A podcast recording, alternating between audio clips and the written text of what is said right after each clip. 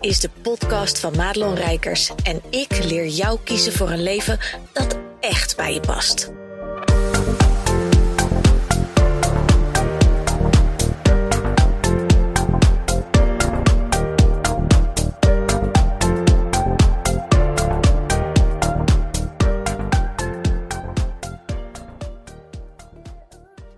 Hey, goed dat je luistert naar deze podcast. En ik wil vast meteen een soort uh, warning issue droppen. Een trigger warning. Het kan misschien zijn dat je je beledigd gaat voelen. Het kan misschien zijn dat er dingen gezegd gaan worden waar je niet in kan vinden. Maar het is wel een podcast waarvan ik net voelde: hey, uh, ik moet hier iets over gaan delen. Um, ik heb net al een story op mijn Instagram gepland. En aangezien ik toch bezig was met allerlei content maken, dacht ik, waarom niet ook even een podcast? Want daar kan ik iets verder de diepte in over dit topic, kan ik me iets verder uitspreken hierover. En uh, ondanks dat ik niet letterlijk direct van jou antwoord kan hebben, ben ik gewoon ook heel benieuwd hoe jij in dit verhaal staat. Nou, dit is natuurlijk een ongelofelijke uh, clickbait, zodat je blijft luisteren. Want wat gaat die Rijkers nou weer delen? Het gaat over het volgende. De blauwe vinkjes. En voor iedereen die nu luistert en die zegt: eh, waar heb je het nou weer over? Er is natuurlijk, en dat is een tijdje geleden al op Twitter geweest, maar er is nu op Instagram en Facebook kun je een blauw vinkje kopen. Dat betekent dat je, zeg even 16 euro in de maand betaalt en dat je daarmee dus een geregistreerd authentiek account bent, zodat anderen kunnen zien: kijk eens, je bent een authentiek echt account. En dat betekent dus ook dat je een stuk service koopt, dat je uh, bijvoorbeeld, hè, dat noemen ze dan als voorbeeld, als je account gehackt is, dat de kans veel groter is dat je het veel makkelijker terugkrijgt. Omdat je al ten eerste gewoon een real-life persoon aan de telefoon krijgt. Nou, mensen, even serieus. Um, want ik zag dat en ik dacht, nou, dat, dat, dat gaat niemand doen. Want ja, wat zegt dat dan als je dat koopt? Weet je, vroeger was het zo dat als je uh, ik meen iets van 10.000 volgers had, dan kwam er zo'n soort kringeltje achter je naam. En dat zag je vaak bij beroemde mensen en, en uh, BN'ers, maar ook uh, van de wereld. Zodat je kon zien, hey, een soort officieel account. Want het is niet officieel als je er gewoon het woord official in je naam tagt. Maar um, wel als je dus een bepaalde status had behaald, eigenlijk alleen maar door volgersaantallen. Dan was je gewoon een, een echt authentiek um, account. En ik snap heel goed hè, dat, dat je als platform tegen wil gaan dat mensen hun accounts worden gekopieerd. We kennen allemaal de voorbeelden van uh, ja, de bullshit die er gedaan wordt, de scamming die er is. Ik, uh, ik volg een, uh, een account van Marvin Leenders. Hij is de, de cryptoman hier. En um, ja, er wordt heel vaak wordt zijn account ook gekopieerd en dan wordt er geronseld voor crypto. Uh, wat, wat echt best wel vaak ook nog wel lukt bij mensen. Het is eigenlijk heel schijnend. Maar goed. Ik dacht wel, um, even terug naar waar je die 16 euro voor betaalt. Want ik ben al benieuwd, hé, hey, waar komt dat bedrag eigenlijk al vandaan? Waarom accepteren wij met z'n allen dat je dus een soort uh, stempel kan kopen voor 16 euro in de maand? Dat andere mensen zien, je hoort bij het clubje. Ja, je hoort al aan mijn stem dat ik er van alles van vind.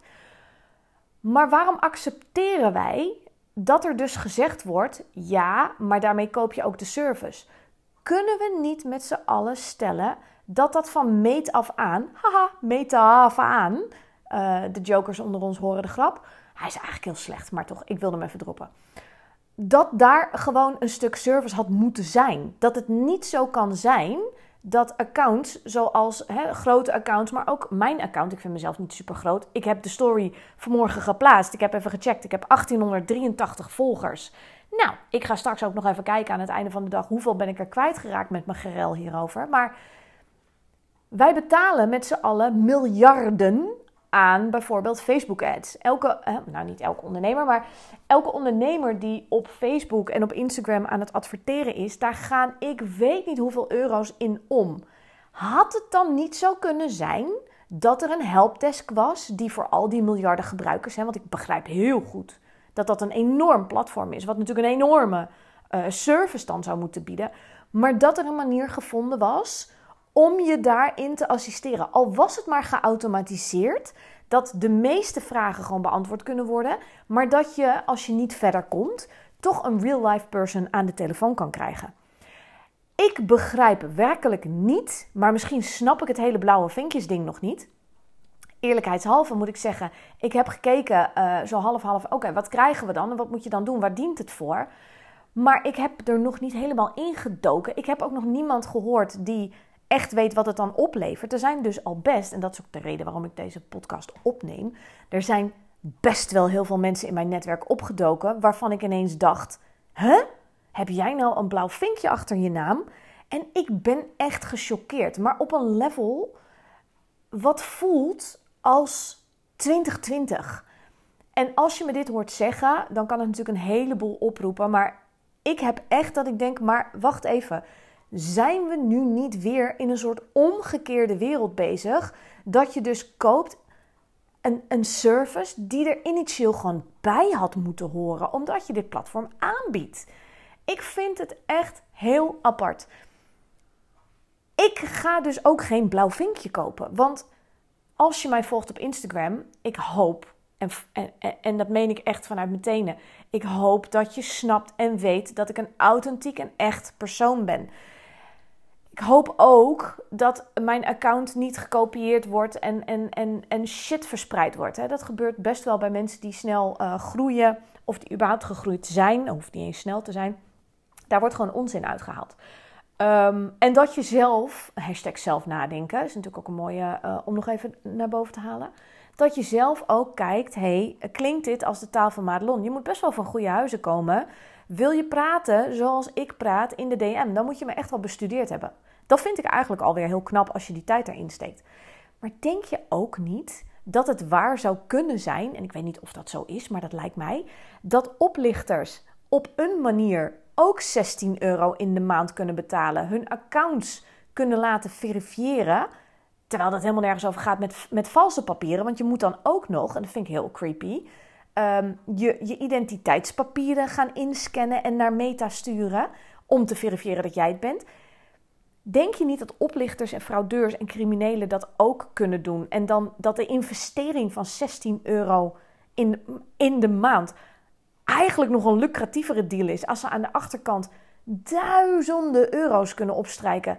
Met name omdat ze nu dus een vinkje kunnen kopen waarmee ze het vertrouwen van hun potentiële doelwitten kunnen krijgen. Want iedereen, en dat is ook het haakje wat ik heb naar 2020, ik zie dus echt mensen daarnaar kijken en denken: en tenminste, dat vul ik in hoor, want ik weet niet of ze dat denken, maar zo'n gevoel krijg ik. Oh, maar nu ben ik veilig. Oh, maar nu ben ik gered. Oh, maar nu.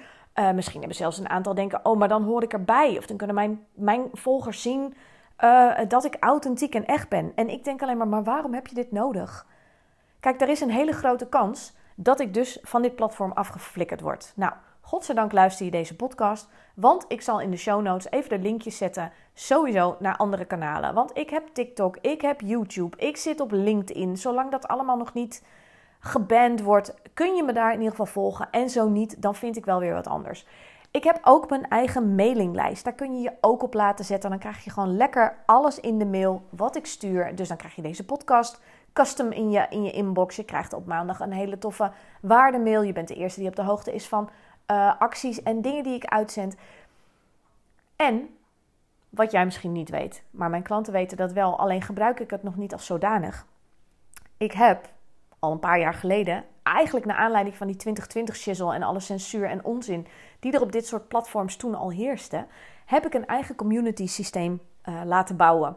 En dat betekent dus dat ik in bezit ben van mijn eigen soort van Facebook. Op dit moment worden in principe alleen maar um, wordt het gebruikt door mijn klanten die daar uh, toegang hebben tot de trainingen. Want het toffe van het platform wat ik heb voor mezelf, door mezelf, wat ik in eigen beheer heb, um, dat is dat ik daar dus ook mijn trainingen aan heb gekoppeld. Dus um, ik kan daar in feite mijn hele systeem gaan draaien.